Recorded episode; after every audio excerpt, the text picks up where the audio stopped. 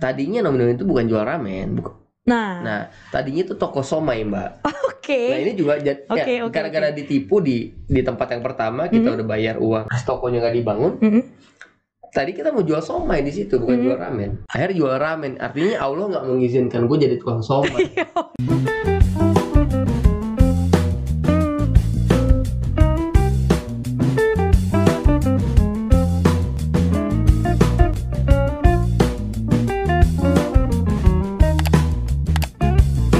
Assalamualaikum warahmatullahi wabarakatuh. Selamat pagi, selamat siang, selamat sore, selamat malam. Welcome back to channel Asia Life Entertainment. Balik lagi nih di Ngasu sama gue Vika Hamza As always. Nah, di sini Sobat Ngasus pasti pada senang kulineran kan? Apalagi ramen Terutama gue juga seneng sih ramen Nah, di deket kantor gue ini ada satu eh, store ramen yang enak banget Dan kita langganan nih orang-orang kantor sini Namanya apa? Nomi Nomi pasti lu pada tahu lah ya karena di eh, udah banyak ya Nomi Nomi itu ada setahu gue tuh udah banyak store-nya gitu. Nah langsung aja nih di sini udah ada owner dari Nomi Nomi yaitu Mas Rifki. Halo, Halo, assalamualaikum. Waalaikumsalam wabarakatuh. Gimana kabarnya Mas? Baik, Mbak. Alhamdulillah. Mbak Vika gimana? Alhamdulillah, aku juga selalu baik demi sobat ngasus. Oke, Mas Rifki tadi langsung dari rumah atau dari mana?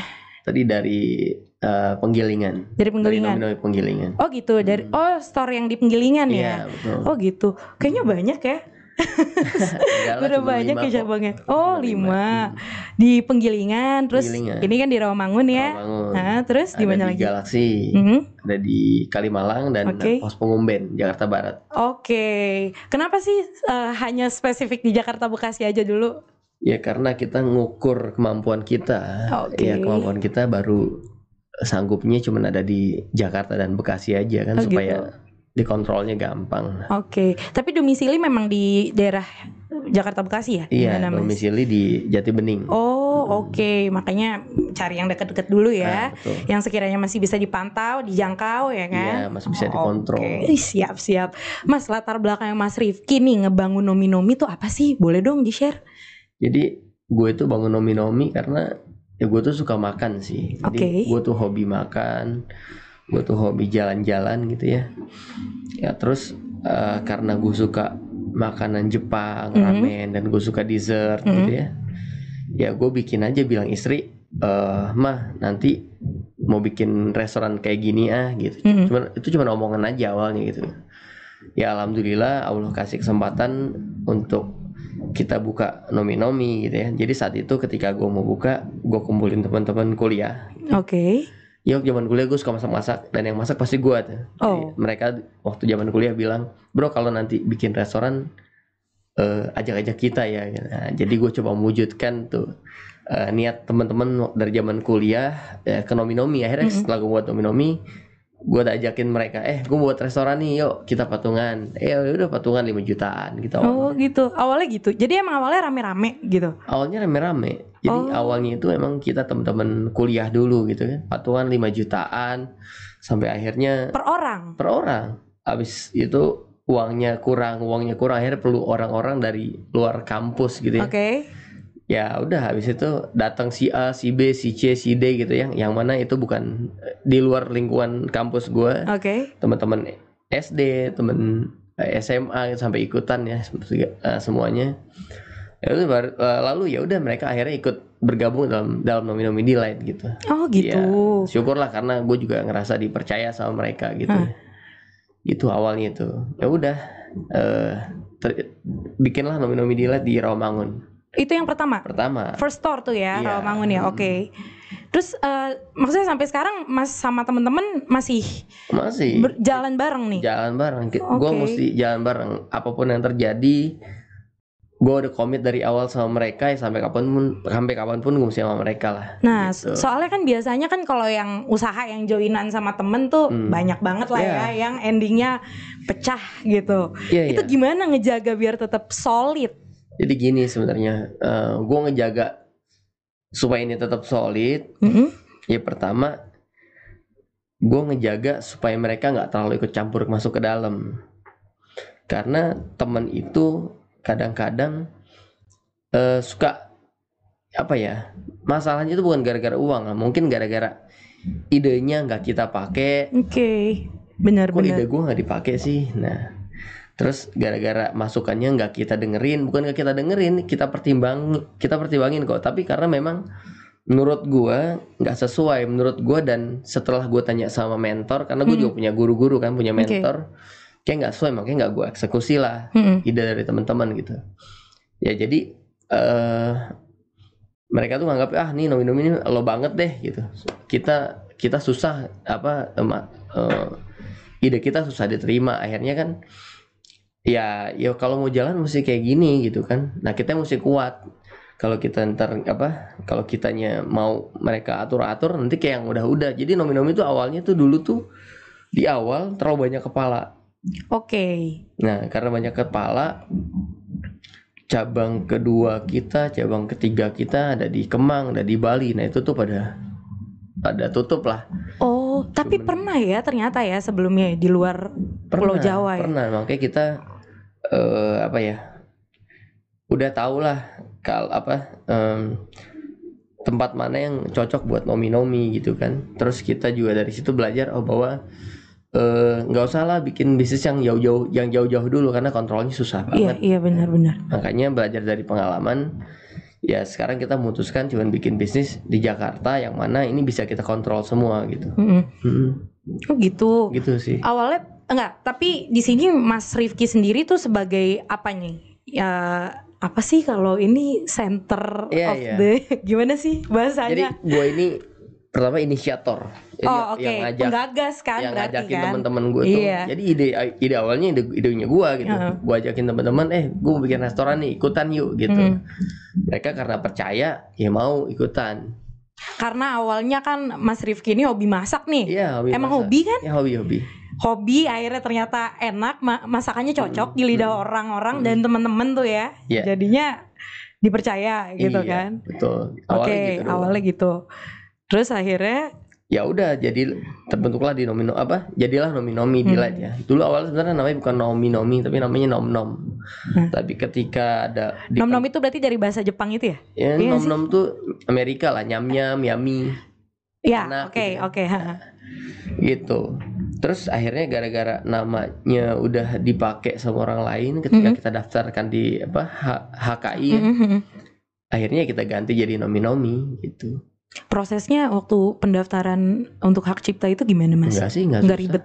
tinggal bayar konsultan aja udah Hmm. langsung jadi Oke. Hmm. Terus tadi itu eh, kan untuk menjaga kesulitan tim seperti itu ya mas ya. Tapi berarti pernah kan ngerasain yang namanya eh, apa namanya? Yang tim yang di sini aja dulu nih crash gitu. Pernah? Ya pernah. Jadi ya itu dia karena eh menurut gua gini ya ketika kita membangun sesuatu kan nggak gimana ya nggak semua di tim kita ini punya pengalaman yang sama Benar. punya knowledge yang sama jadi memang ini gue udah tahu udah pasti bakal chaos gitu ya karena sebelumnya juga gue bikin bisnis bareng teman-teman ya Pak bubar juga gitu ya jadi eh gue udah punya pengalaman sebelumnya gitu Mhm. jadi ketika di nomi gue udah tahu nih bakal chaos nih gitu ya bakal bukan chaos sih bakal pasti ada akan Ada, ada crashnya. kesalahpahaman lah Benar. gitu antara kita tapi gue udah tahu dan saat itu gue juga tahu ini gue nggak boleh nyalain siapa pun Ini Kan- adalah resiko Iya, ya. ketika ini bisnis eh, kita jalanin dan bermasalah, eh jangan nggak boleh nyalain siapa pun. Kita justru mesti, oke, ini gua selesain ya gitu. Jadi daripada kita mikirin ego kita masing-masing ya, se- sebaiknya kita tuh mikir gimana solusinya supaya masalah ini bisa selesai, so nomor bisa bangkit lagi gitu. Introspeksi dan Jadi solusi ya. Nah, ketika solusi. ketika ketemu sama orang yang belum berpengalaman misalkan ya Hmm. membangun bisnis atau bermi- berpartner dengan orang lain, nah rata-rata tuh mereka tuh ya sukanya nyal nyalin orang, wah ini bisnis rugi gara-gara Blaming. Iya, bisnis rugi gara-gara lu, lu nggak mau gini, lu nggak mau gini, lu nggak mau gini gitu. benar-benar. Lah, tapi sampai sekarang gue tanya lu udah punya bisnis kuliner belum? Gitu. kan belum tentu punya juga kan gitu ya. Nah artinya se- sebenarnya bukan bukan bukan seperti itu gitu. Jadi kalau ada masalah ya udah terima aja, ya udah kita cari solusi sama-sama dan cari solusinya kan bukan sebulan dua bulan ketemu gitu. Iya benar. Nah, solusi itu bisa kita temuin ketika kita udah mencari mungkin bisa setahun, bisa dua tahun, bisa tiga tahun baru ketemu solusi. Benar, benar. So itu yang proses itu yang mesti dijalani dan ketika proses itu eh, apa terjadi di kita ada masalah di kita kita mesti sabar gitu. Sampai bisa ketemu formula yang pas gitu ya, metode Betul. yang pas ya. Karena kayak resep aja makanan minuman tuh masih berubah terus sampai sekarang kok. Kita udah hampir lima tahun masih terus berubah. Itu trial and errornya kalau dihitung berapa Oh. kah? Banyak mbak, banyak banget. Kita udah ngeluarin budget buat itu tuh banyak banget. Karena di nomi-nomi itu kan nggak ada R&D-nya ya, nggak ada. Maksudnya gini, gua tuh mungkin ngerjain 80% pekerja di nomi-nomi tuh mungkin gue yang ngerjain gitu dari mulai bikin menu gitu Mm-mm. ya, makanan, minuman, dessert, sampai gue cari apa bahan baku yang termurahnya gimana, terus gue pelajari food teknologinya gimana supaya eh, kita bisa punya margin yang lebih besar gitu kan. Gimana cara kita apa ngedidik anak-anak, gimana cara kita eh, menarik buat investor itu kan gue yang jalanin semua. Terus taste-nya, desainnya mesti kayak gini, warnanya mesti kayak gini gitu. Positioning kita harus ada di mana, target market kita siapa tuh mesti mesti eh, decision maker mesti gue yang ambil gitu. Tapi tim itu udah setuju ya bahwa all uh, in you gitu. Setuju karena All kalau by enggak, you. kalau enggak malah tambah parah. Ya karena lo juga inisiatornya sih ya. Iya susah kalau ya gimana gue gue orang satu-satunya nggak bisa mundur dari nomi-nomi nggak bisa mundur yang lain bisa oh gue keluar gue cabut gue Iya. cabut bisa gue nggak bisa cabut gimana kalau Siapa cabut yang pegang? ya, ya selesai kan kalau gue cabut gitu iya. loh nah coba nih kalau sekarang ya gue cabut ya insya Allah sih ada udah udah tim udah banyak Karena lah. manajemen juga udah terbangun ya. udah ada anak-anak Mm-mm. yang udah ikut kita dari awal mereka juga knowledge-nya udah bagus Total udah berapa tahun sih mas? hampir dari lima- Agustus besok lima tahun Berarti tahun 2015 ya? 2015 bulan Agustus kita buka. Tapi settingnya itu dari 2014 bulan Oktober. Jadi ngerjain nomi-nomi itu lama juga sampai terjadi sampai terbentuk tokonya. Karena- Almost a year ya. Iya dan, Hampir setahun dan ya. selama itu lo nggak punya penghasilan sama sekali. Kalau Serius, ya, waktu itu nggak kerja lu mas? enggak, Jadi emang total fokus ke sini. iya.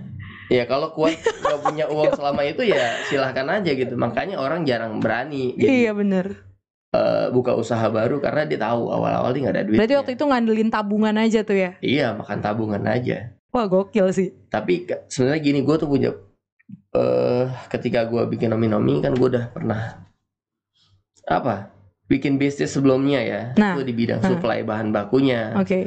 gitu. Nah ketika gue rasa di situ udah berat banget gue ada di situ karena semua proses ya namanya supplier lah namanya namanya supplier tuh mereka tuh kan ngutang ke kita ya hotel restoran tuh kan ngutang ke kita Hmm. Jadi kadang-kadang tuh gue males nagih-nagih utangnya ke mereka karena mereka susah bayar akhirnya gue pikir jadi gue kayak mesti buat bisnis baru gitu ya yang uangnya nih cash gitu Hmm. kan yang mana bisnis bidangnya juga mungkin setengahnya udah gue pahamin Cash flow-nya cepet Nah, ya. akhirnya gue gua putuskan ya kuliner karena ya tadinya kita tuh suppliernya resto ya udah deh kita sekarang main di depan aja gitu. Jangan di supply lagi tapi main di main di hilir aja kita jualan gitu. Apalagi lo emang hobi masak ya kan? iya ya hobi masak hobi masak. Tapi lo sendirian tuh ngeracik eh, apa namanya formula rasanya, formula Sendiri. rasa nomi-nomi. sendiri ca- cari aja di googling cari, cari googling aja googling YouTube gitu. Terus tanya sama semua orang. Jadi karena gue ada di lingkaran hotel dan restoran karena kita suppliernya gue tuh banyak kenal sama chef. Oke. banyak kenal sama pokoknya orang-orang F&B tuh gue banyak kenal gitu. Jadi ada apa pun gue bisa tanya ke mereka gitu. Nah itu yang orang lain gak punya juga akses. Nah kata, karena ketika kita punya akses terus mentok melakukan suatu hal kita bisa tanya ke orang-orang yang kita kenal kan. Nah, tapi kalau kita nggak punya akses kita nggak punya eh, nggak nggak punya relasi ke situ biasanya orang tuh mentok akhirnya nyerah Mm-mm. gitu loh. Jadi nomi-nomi itu ya bisa ada sampai sekarang karena ya memang 50% permasalahan yang ada di dunia kulinernya gue udah paham dulu. Oke. 50 persennya itu adalah ya supply chain-nya. Mm-mm. Supply chain-nya, bahan bakunya. Kan kita mesti tahu. Benar. Ya kan makanan yang enak itu dihasilkan dari bahan baku yang seperti apa ya kan? Makanan seperti ini eh bahan bakunya mesti seperti apa? Contoh misalnya kalau mau buat burger gitu. Hmm, burger itu kan ada sayurnya di dalam kan? Benar. ya kan? Ada tomat ada seladanya gitu ya. Nah gimana kalau selada, selada aja tuh ada banyak jenis. Selada air selada lettuce. Selada mana yang Ya, cocok ya kan? iya ada Mm-mm. ada ada ada lolorosa ada romen. Nah ini mana yang cocok nih? Jangan lo pakai selada air gitu ya. Lo taunya kan sayur ah sayur Sama sayurnya aja, sama ya. aja gitu tapi ternyata nggak bisa kayak Nggak gitu bisa kayak gitu. gitu sih jadi eh, hal itunya gue udah ngerti dulu lah ke bahan baku yang yang pokok bahan bakunya tuh Hmm. gue udah ngerti dulu udah tahu rasanya gimana udah tahu warnanya gimana bentuknya gimana harganya gimana dan belinya di mana yang murah Hmm. gue udah tahu Hmm. jadi Lo udah ada modal itu ya. ya udah ada Hmm. modal kalau nggak berat banget Nah, lu itu eh, sebelum itu yang pas di food supply itu berapa lama lu? Gue dari Di dunia 2012 sampai 2014 Ya lumayan lah ya tapi ilmunya gini ya. eh, mbak kalau dibilang gue udah lama ya gue dibesarin pakai uang itu dari kecil ya ya udah tahu gue udah familiar lah sama barang-barang itu Oke. supir lagi nggak ada nyokap nyuruh gue anterin barang nih supir nggak ada gue supir Oh, emang eh, keluarga juga ada Iya, usaha iya, makanan ya? usaha itu Oh, supply itu food supply itu itu. perusahaan keluarga Oh, gitu. jadi dari kecil gue udah familiar banget sama yang kayak gitu-gitu kan Mm-mm. udah ngeliat gimana caranya orang tua gue itu kalau nyari barang Hmm. wah tuh gila sampai pelosok pelosok dia cari cari barang murah sampai pelosok Orang tua turun sendiri tuh. iya Asli. Hmm, jadi secara nggak langsung gue tuh udah diajarin sama Udah. orang tua gue dari Oke. kecil bahkan kalau kita jalan-jalan misalkan jalan-jalan ke taman safari gitu kan di, di puncak gitu kan ntar pulangnya tuh kita beli pisang beli apalah beli buah-buahan beli sayur-sayuran beli tales Oke. gue bilang nyokap gue mah ngapain dulu sih mah ini kita beli barang-barang ini dulu buat apa nanti kita jual lagi Hmm. jadi eh, uang yang kita habisin sekarang buat liburan keganti, Keganti. sama untung dari kita jualan Oke, ini oke. gue dari kecil ya kan Emang- ngerti ya tapi sekarang oh iya iya Kepake gitu. ya ternyata Oh, iya. kebiasaan-kebiasaan begitu. misalkan kita gue tuh sering diajak nyokap gue tuh ke gunung gitu ya di gunung tuh mah kok ngapain sih kita ke gunung gitu kita ada gudang di gunung gitu di puncak di gunung gitu kenalan sama petani petani gitu kan Hmm. ya ka- karena kalau ngambil barangnya di sini murah gitu artinya dari kecil tuh gue udah tahu. Jadi kalau ngambil barang ya mesti langsung ke sumbernya. Jadi ketika lo jualan di di apa jualan di restoran Hmm. di toko kita bisa dapat profitnya maksimal gitu. Nah kan kadang ada orang yang nggak biasa Iya, dengan melakukan hal-hal itu kan. Benar gue benar. bisa karena terbiasa. Dari kecil udah ngeliat udah secara nggak langsung itu udah di udah diajarin lah sama orang tua. Jadi eh, sampai sekarang pun gue udah terbiasa gitu Jadi emang bibit-bibit entrepreneur tuh udah dari dulu ya, dari kecil ya. Ya, tapi tapi itu gue sadarin setelah sekarang ini Iya. gue nggak tahu sebelumnya Ternyata ternyata itu lagi dibiasain lu tuh nggak nge ya iya, gitu ya. karena nyok- nyokap gue nyokap bokap juga gue juga nggak nggak niat ngajarin gitu Iya. kok hmm, kebetulan aja mau Hmm. mau jalan-jalan nggak mau jalan-jalan oh sambil cari barang Iya. nah itu yang experience experience gitu tuh yang yang menurut gue yang yang nggak ada di orang lain yang ada di gue gitu. Tapi emang penting banget gak sih menurut lu Mas kalau pengusaha itu harus turun langsung ke lapangan bener-bener ke pelosok-pelosok gitu turun langsung tuh menurut lu penting gak sih? Eh, penting banget. Karena eh karena kita dituntut untuk profit ya eh hal yang kecil sampai hal yang besar tuh kita mesti paham menurut gue. Ini in my opinion aja yang belum Oke. belum tentu menurut orang tuh sama. Mm-mm. karena ketika kita paham semuanya ya nanti kan di perjalanan yang membangun usaha tuh pasti ada masalah kan? Benar. ya kan? Nah kita tuh udah tahu solving problemnya gimana. Jadi ketika ada problem solving solving problemnya cepat karena kita ngerti. Nah itu yang menurut gua penting. Karena kalau kita solving problemnya lama nanti profit kita kan akan semakin lama juga datangnya kan? Karena profitnya semakin lama datang akhirnya perusahaan nggak ada untungnya terus nggak bisa bayar karyawan gimana? Kan bisa rusak usahanya bisa bangkrut usahanya. Jadi menurut gua kita mesti turun terjun langsung ke lapangan mesti ngerti hal-hal yang detail itu basic yang mesti eh, pengusaha miliki itu nanti kalau udah besar udah beda lagi lah lo bisa lo punya uang lo bisa hire Bisa orang santai-santai deh lo ya, Lo bisa. santai sih ya enggak Oh nggak gua juga bilang ya. tambah tambah parah Malah tambah sekarang. parah ya. Tambah parah. tambah besar usaha tambah tambah tambah Oke. sibuk lah. Tapi ketika tambah besar usahanya, lo udah ngerti semua semua apa masalah yang ada di bawah, lo bisa hire baru mereka, hire gitu kan. Eh, untuk ngerjain semuanya gitu kan. Karena lo udah mulai ada di apa? di tingkat eh buat strategi aja gitu. Nanti eksekusinya biar orang lain. Karena kan semakin umur bertambah juga tenaga juga semakin berkurang kan kayak gitulah. Jadi emang benar-benar nggak boleh segen untuk turun tangan ya sebagai pengusaha tuh ya mas ya. gue tuh dari nyupir dari bersih bersih singkat sikat WC tuh sampai pernah pegang ya? Iya, kita pegang semua karena mesti nyontohin. Apalagi kalau lo bangun bisnis dari kecil, yang mana modalnya ini sangat minimal. Lo nggak bisa mempekerjakan orang yang lo bisa gaji tinggi untuk Oke. kerjaan itu. Lo nggak bisa bayar orang yang profesional yang yang bisa eh, yang, bisa apa? Yang bisa punya etos kerja lebih baik. Ya lo Hmm. mesti turun sendiri, ajarin mereka training dari cara masak, cara bersihin toilet, cara nyapu tuh mesti lo ajarin. Karena bener, serius.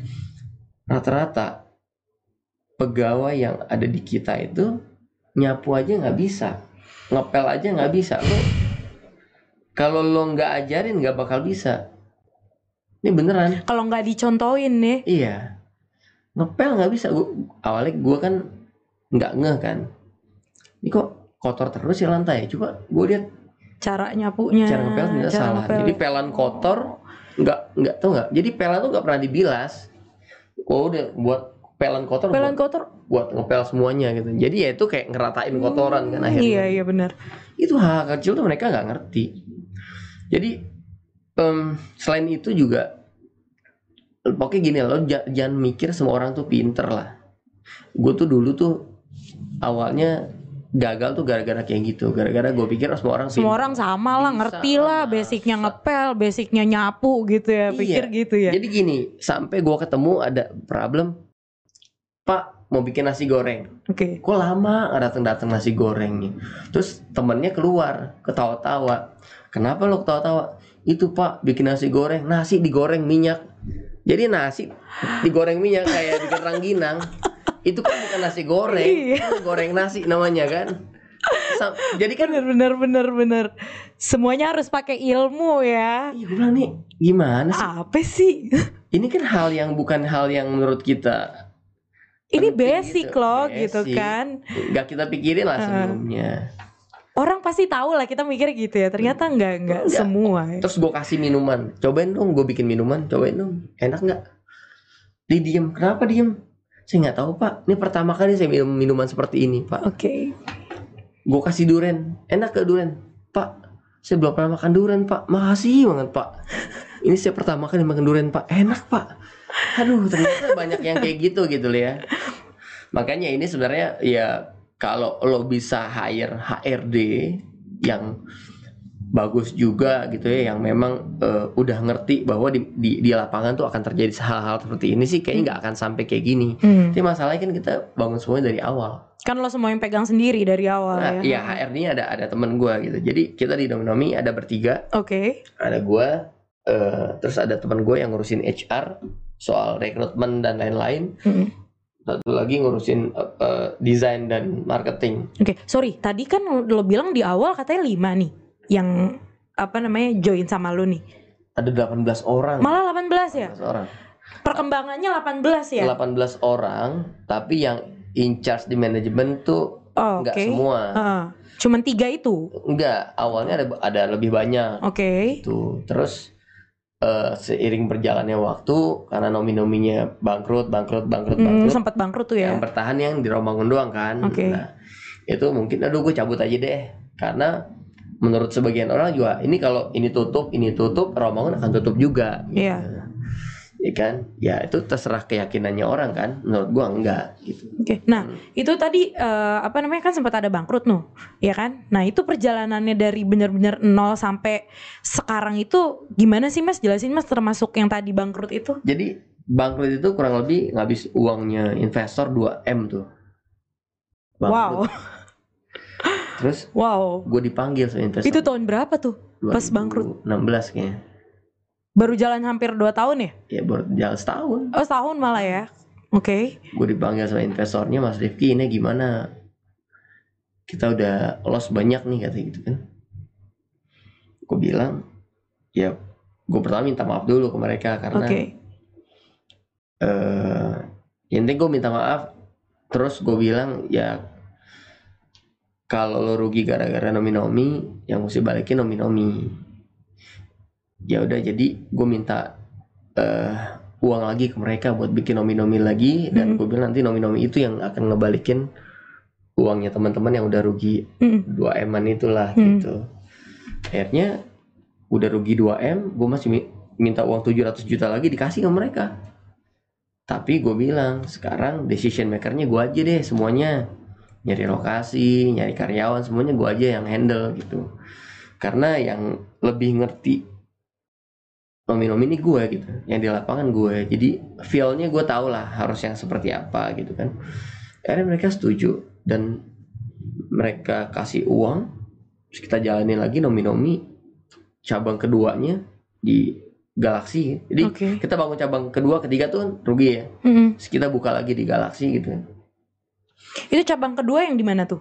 Yang Oh, dulu. sorry cabang kedua tuh di Galaxy itu Oh, berjalan tapi mm-mm. setahun tutup Oh sempet eh, tutup. karena profitnya nggak ada Mhm. sebenarnya gue panjang banget kalau mau jelasin ini mbak karena gini jadi ketika di awal kita bangun nomi-nomi Oke. ya memang untungnya kecil Mhm. karena knowledge gue juga belum terlalu dalam kan Iya, di, di usaha kuliner kan Mhm. tapi kalau kita ngomonginnya sekarang ya insya Allah knowledge gue lebih dalam Mhm. Akses gue lebih bisa ke mana-mana karena gue juga sekarang jadi apa dipercaya jadi ketua asosiasi kuliner di DKI Jakarta gitu Oh jadi, seriously? iya jadi gue punya akses ke mana-mana yang Oke. mana gue punya ya kelebihan ya punya re- banyak relasi yang nanti bisa membuat apa kos semua makanan dan minuman yang gue jual tuh jadi lebih kecil Mhm. ya, karena kita makin kenal sama bosnya kok dulu kenal sama marketingnya kok sekarang kenalnya sama bosnya Sama bosnya, sama ownernya. ya kan? beda lah Iya. sekarang gitu loh kalau dulu cuma ngertinya beli di orang beli di orang sekarang gue bisa produksi sendiri gitu Mhm. nah itu itu itu kelebihan kelebihannya eh, yang gue dapat setelah kita berjalan kurang lebih dari ya lima tahun ini Oke, gitu itu tahun-tahun bangkrut tuh berarti kapan tuh ya? 2016. 2016 Di mana Bali tadi? Bali, Bali, Kemang. Kemang. ya alhamdulillah sih ya sekarang Recover mereka ya. udah oke lah Udah oke. Nah mereka bahkan sekarang tuh mau Mas eh mas buka lagi Gue nya udah nggak mau Capek mas Gue bilang gue lagi capek nih Tapi sebenarnya banyak yang minta buka cabang di mana-mana ya. banyak, banyak. Gue bilang gue capek Gue apa ya Udahlah gue mau Lagi mau menikmati hidup dulu Karena bisnis Oke. makin besar Makin terlihat seksi Makin gak enak juga ya Makin ada yang Bukan gimana ya. Jadi kalau dulu tuh gue ngapa-ngapain Orang diem aja semua. Kalau Oke. sekarang Gue ngapa-ngapain udah kayak udah disorot banget gitu. Gue jadi males gitu. Ya kan Jadi males lah. Udah, Udah gua- jadi highlight sekarang ya. gue istirahat aja dulu deh. Kalau kalau teman-teman gue ada mau ngembangin nomi-nomi silahkan kembangin versinya sendiri deh. Tapi gue nggak ikut ikutan di situ gitu ya. Jadi nggak ngoyo ya. Mas Rifki nih nggak ngoyo sekarang ya tarafnya ya.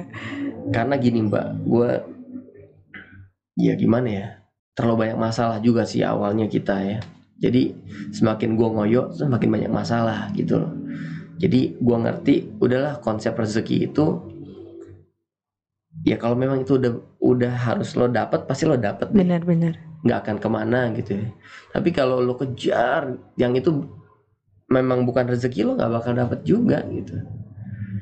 Jadi gue sekarang udah mau fokus maintain yang ada aja dulu sampai nanti sampai gue udah mau mau lagi lah ekspansi ya gue ekspansi. Tapi sekarang kayaknya nggak dulu karena duh mana lagi covid gini kan. Iya benar. Waduh gawat. Nah ini banget. pengaruh nggak nih selama pandemi ini ke penjualan? ya ngaruh banget mbak kita tutup gitu.